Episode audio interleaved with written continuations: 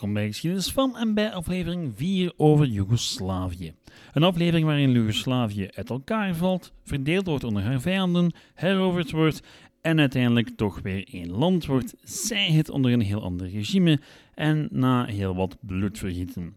Passerende revue in deze aflevering fascisten, royalisten, nationalisten en communisten. Van Hitler tot Stalin, Tito tot Mussolini. Allemaal passeren ze deze aflevering de revue. Dat en meer in deze aflevering van Geschiedenis van.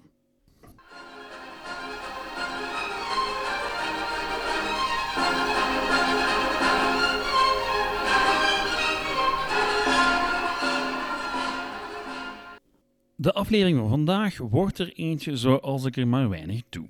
Vol oorlog en evenementele geschiedenis. Niks van grotere oorzaken of stromingen.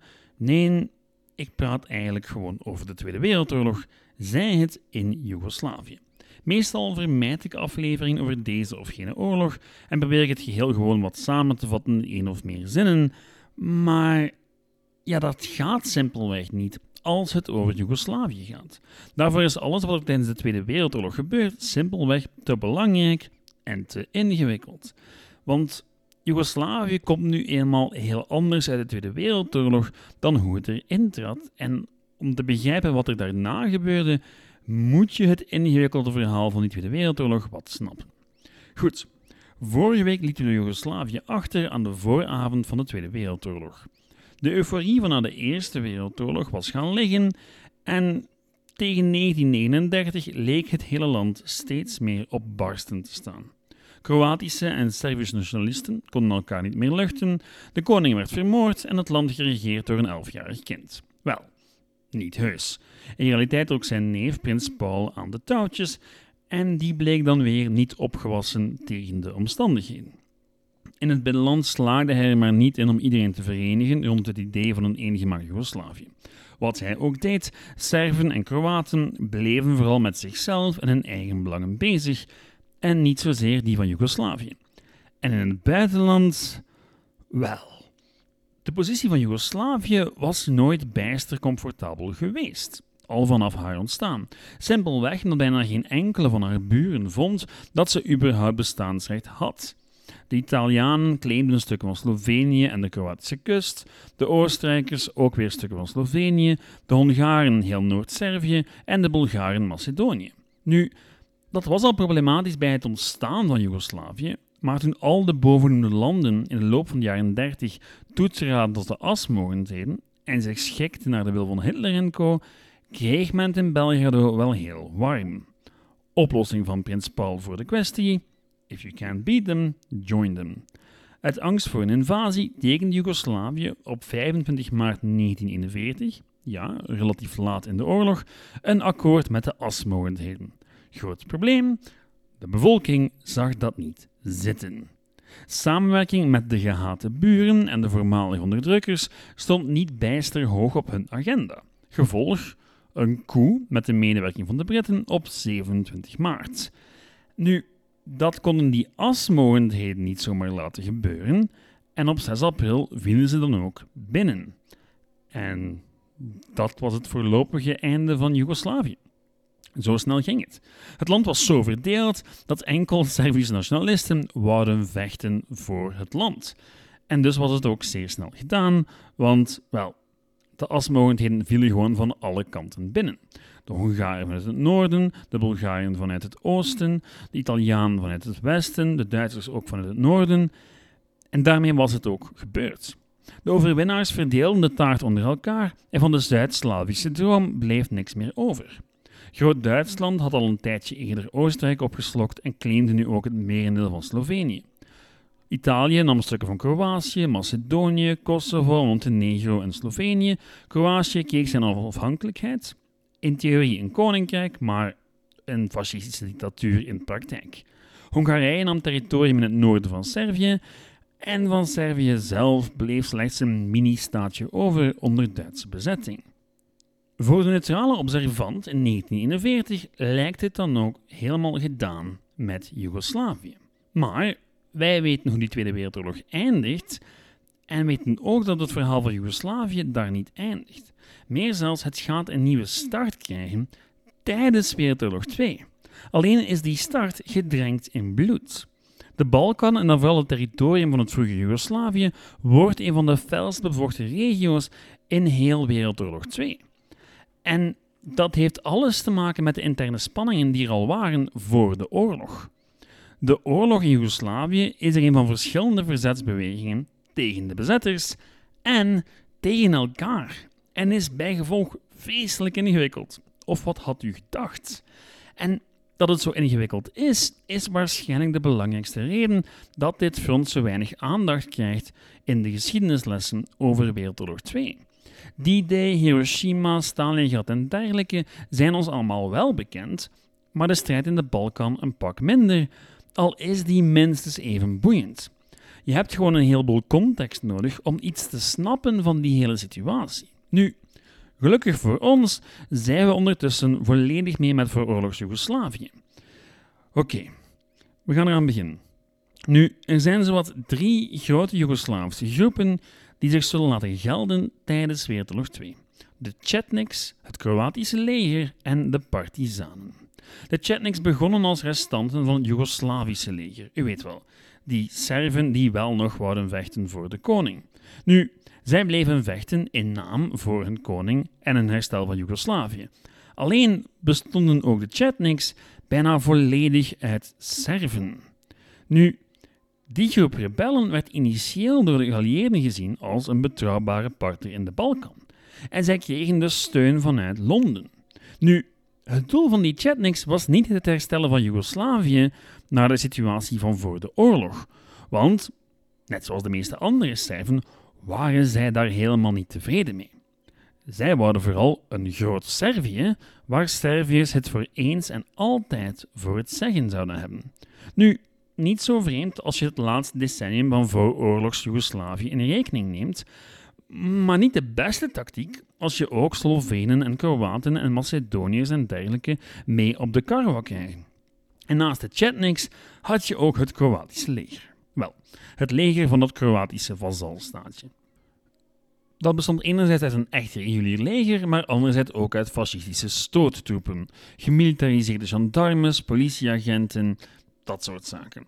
Nu, die Kroaten kregen van de asmogendheden de opdracht om al dat gerebelleer zoveel mogelijk onder controle te houden. En dat bleek een bijna onmogelijke opdracht. Omdat ze regelmatig clashten met de Chetniks, ja, maar vooral door de activiteiten van de partizanen. Nu wordt het woord partizaan tijdens de Tweede Wereldoorlog voor allerhande verzetsbewegingen gebruikt op verschillende locaties.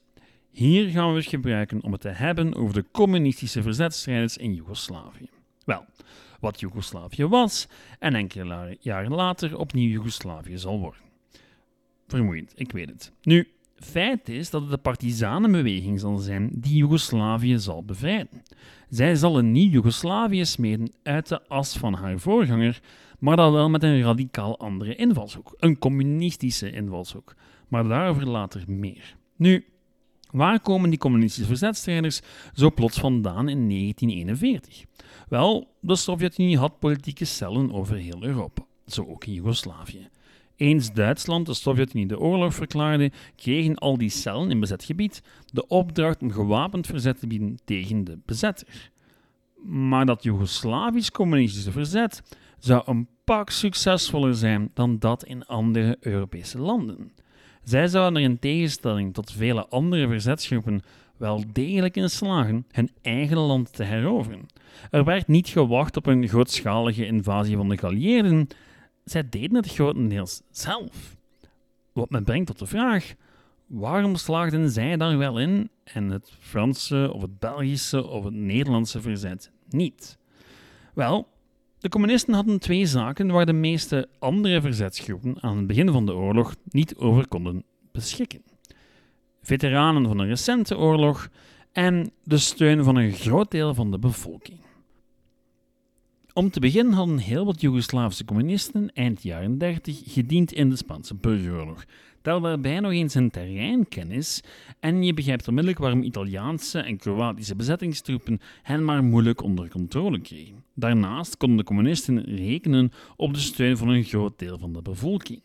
Niet omdat Kroaten, Slovenen en Serven zich massaal tot het communisme bekeerd hadden, maar het was het alternatief. Want de communisten stonden nu eenmaal open voor iedereen die zich tegen de bezetter keren wou, los van etnie. Niet zoals de Chetniks dus.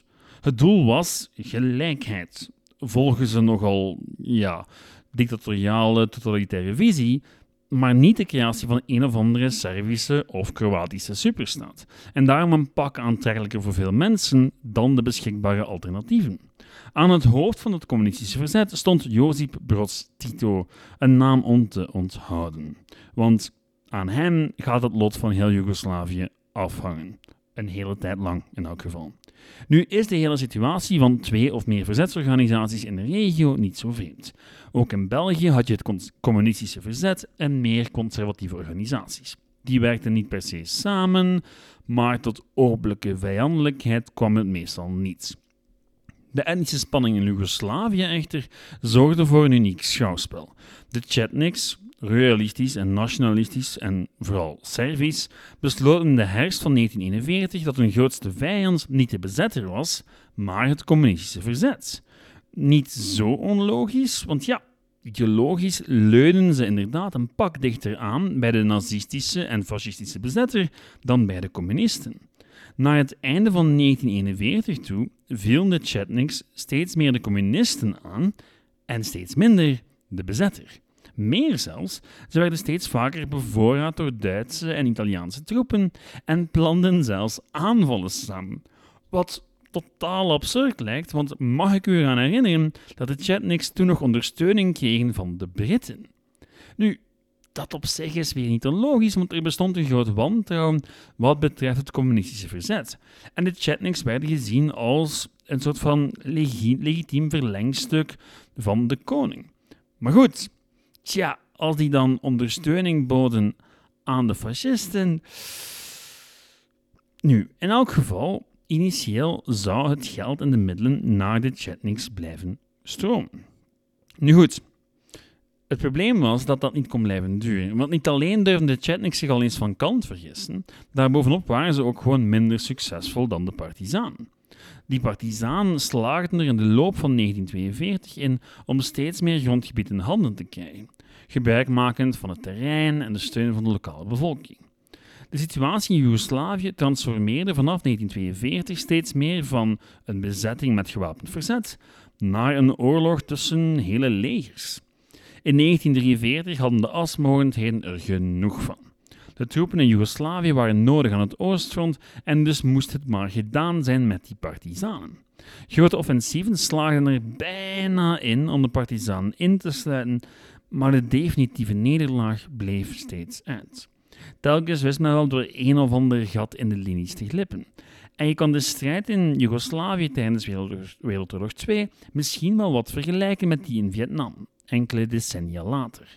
Een technologisch superieur leger dat met de hulp van lokale collaborateurs een gewapende opstand de kop in probeert te duwen en daartegenover een communistisch verzet dat gebruik maakt van guerrilla-tactieken en het terrein om een definitieve nederlaag onmogelijk te maken. Duitsland en Italië bleven maar troepen richting Joegoslavië sturen, zonder ooit echt een einde te kunnen maken aan de opstand.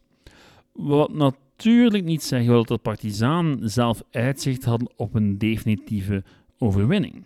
Het was een uitputtingsslag, niet meer, niet minder, maar gelukkig voor de partizanen waren de asmogendheden ook nog actief op een heleboel andere fronten. Want in het midden van 1943 gebeurde iets belangrijks. Italië gaf zich over.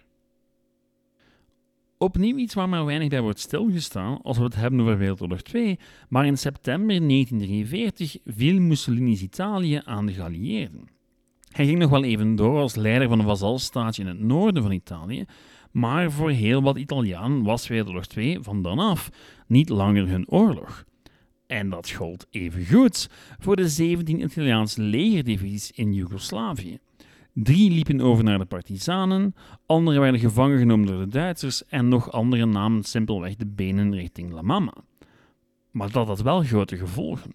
Namelijk, plots was er ruimte voor opstanden, in dit geval massale opstanden in het gebied dat even tevoren nog door de Italianen bezet werd. Het gebied werd dan wel herverdeeld tussen de Duitsers en de Kroaten, maar in de tussentijd hadden de partizanen vrij spel. De reacties van de Duitsers was heftig, maar gelukkig voor de partizanen beseften de geallieerden net op dat moment hun kapitale fout. Geallieerde spionnen hadden steeds vaker voor de Chetniks weinig of geen initiatief meer namen in de strijd tegen de bezetters. Meer zelfs, een hele Duitse legerdivisie was over het spoor door het Chetnik bezet gebied kunnen reizen zonder zelfs maar één keer tegengehouden te worden. Met meer materiële hulp van de geallieerden en een grote moraalboost Dankzij de capitulatie van de Italianen rukten de partizanen steeds verder op. En er kwam zelfs een officiële herkenning van het communistische verzet als de officiële overheid van Joegoslavië. Met aan het hoofd, jawel, Josip Broz Tito, de Kroatische partizanenleider. Tegen 1944 naderde de oorlog in de Balkan langzaam maar zeker haar einde. Het Kroatische leger bleek steeds minder opgewassen tegen de partizanen. Niet in het minst omdat de geallieerden luchtsteun verschaften aan de partizanen. En hoe langer dat jaar duurde, hoe meer grip ze kregen op Joegoslavisch grondgebied. En hoe meer twijfelaars zich aansloten. Tegen het einde van 1944 waren de partizanen de grootste verzetsbeweging in heel Europa, met 800.000 actieve leden verdeeld over vier legers. En die dominantie zorgde ervoor dat zelfs de koning de partizanen moest aanvaarden als het officiële leger van Joegoslavië.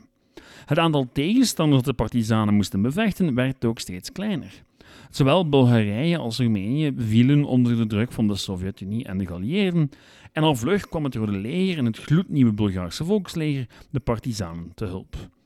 Duitsers en Kroatiërs kregen het te warm en al vlug begonnen de Duitsers troep te evacueren richting andere fronten. Eind 1944 was Belgrado gevallen en controleerden de partizanen het hele oosten van Joegoslavië en een groot deel van de kust. 1945 was dan ook het jaar van de grote terugtocht voor de Duitsers in Joegoslavië. Al hadden de partizanen het niet altijd even makkelijk om gebruik te maken van de situatie. Want tegen dan ging het om een strijd van leger tegen leger in plaats van leger tegen guerrilla-strijder. En natuurlijk was dat moeilijker voor die rebellen. Zelfs met de steun van de geallieerden duurde het tot april vooraleer de Duitse en Kroatische veer echt brak. En de prijs? Wel, mensenlevens. Veel mensenlevens. Om weer te geven hoe hevig die gevechten waren en hoe lang ze aansleepten, pas op 12 april braken de linies van de asmogendheden definitief in Joegoslavië en pas op 9 mei viel Zagreb. Berlijn viel zeven dagen eerder, op 2 mei. De oorlog was zelfs nog niet helemaal afgelopen met de val van Zagreb. De troepen van het Kroatische leger konden nergens heen meer vluchten en velen vochten tot de laatste snik. De Tweede Wereldoorlog in Europa mag officieel dan wel eindigen op 8 mei. In bepaalde delen van Joegoslavië gingen de gevechten door tot 25 mei. En die waren niet langer tussen de asmogendheden en de partizanen, maar tussen zij die meegewerkt hadden met de asmogendheden tijdens de oorlog en zij die weerstand hadden geboden. Of hoe Wereldoorlog 2 in de Balkan evengoed een burgeroorlog was. Van begin tot het bittere einde. Wat ons tot de vraag brengt, en nu? Want ja, die oorlog mocht daar wel voorbij zijn. De schade die hij had aangericht aan Joegoslavië en de Joegoslaven is amper te bevatten. En dan heb ik het niet zozeer over de materiële schade. Jarenlang hadden groepen van verschillende etnieën en overtuigingen tegen elkaar gevochten en het was er niet bepaald zachtaardig aan toegegaan. Het feit dat er een Wikipedia-pagina bestaat genaamd List of Mass Executions and Massacres in Yugoslavia during World War II zegt wat mij betreft al genoeg. Nu, wie waren dan de daders van die slachtingen en executies? Wel, um, iedereen. Echt iedereen. De Ustase, dat waren de Kroatische fascisten, die probeerden Kroatië te zuiveren van Serven en bouwden daarvoor heuse concentratiekampen. Al was men ook niet vies van ordinaire massamoord. Tussen de 300 en 350.000 Serven zouden omgekomen als gevolg van de acties van de Ustase alleen al. De Chetniks hadden gelijkaardige ambities, maar dan voor een rascijfer Servië. Ze brachten zo'n 50, 50 tot 68.000 Kroaten en moslims om. 300 dorpen en steden werden in de as gelegd. Nu, Dat motiveerde dan weer heel wat Bosnische moslims om de wapens op te nemen aan de kant van de Duitsers en deel te nemen aan massamoorden tegen de Servische bevolking van Bosnië. De partizanen lieten zich ook niet onbetuigd tegenover nationalistische Serven en collaborateurs en etnische minderheden die zich aan de verkeerde kant van de oorlog bevonden, zoals Duitsers of Italianen, konden evenmin op genade rekenen. En dan zijn er nog de Duitse, Italiaanse, Hongaarse en Bulgaarse bezettingstroepen, die als reactie op de guerrilla-technieken van de partizanen regelmatig hele dorpen uitmoorden. De Serven hadden nog specifiek te lijden onder acties van het Duitse leger, want Hitler had er geen geheim van gemaakt dat hij de Serven als Untermenschen catalogeerde. En als je dat allemaal optelt, kom je tot een heleboel geweld en slachtoffers. De optelsom van de gevechten tussen al die legers, etnisch of politiek gemotiveerde massamoorden, hongersnood, bombardementen enzovoort, komt allemaal samen op een som van rond de 1 miljoen. Minder dan de Sovjet-Unie en Duitsland, maar een pak meer dan Frankrijk, Groot-Brittannië en de Verenigde Staten. En ja, hoe moet een land dan verder? Na al die jaren van oorlog en vernietiging. Ga je verder samen? Ga je verder apart? En onder welk politiek regime? Wel, de antwoorden op die vraag krijgt u volgende week. Want dan werpt hij een blik op de laatste 50 jaar van Joegoslavië en de naweeën van haar uiteindelijke en waarschijnlijk definitieve ondergang. Bedankt voor het luisteren. Met suggesties en schouderklopjes kan u zoals altijd terecht op het e-mailadres geschiedenisvan.outlook.be, de website geschiedenisvan.be en de Facebookgroep Geschiedenis van. Bedankt voor het luisteren. Ciao.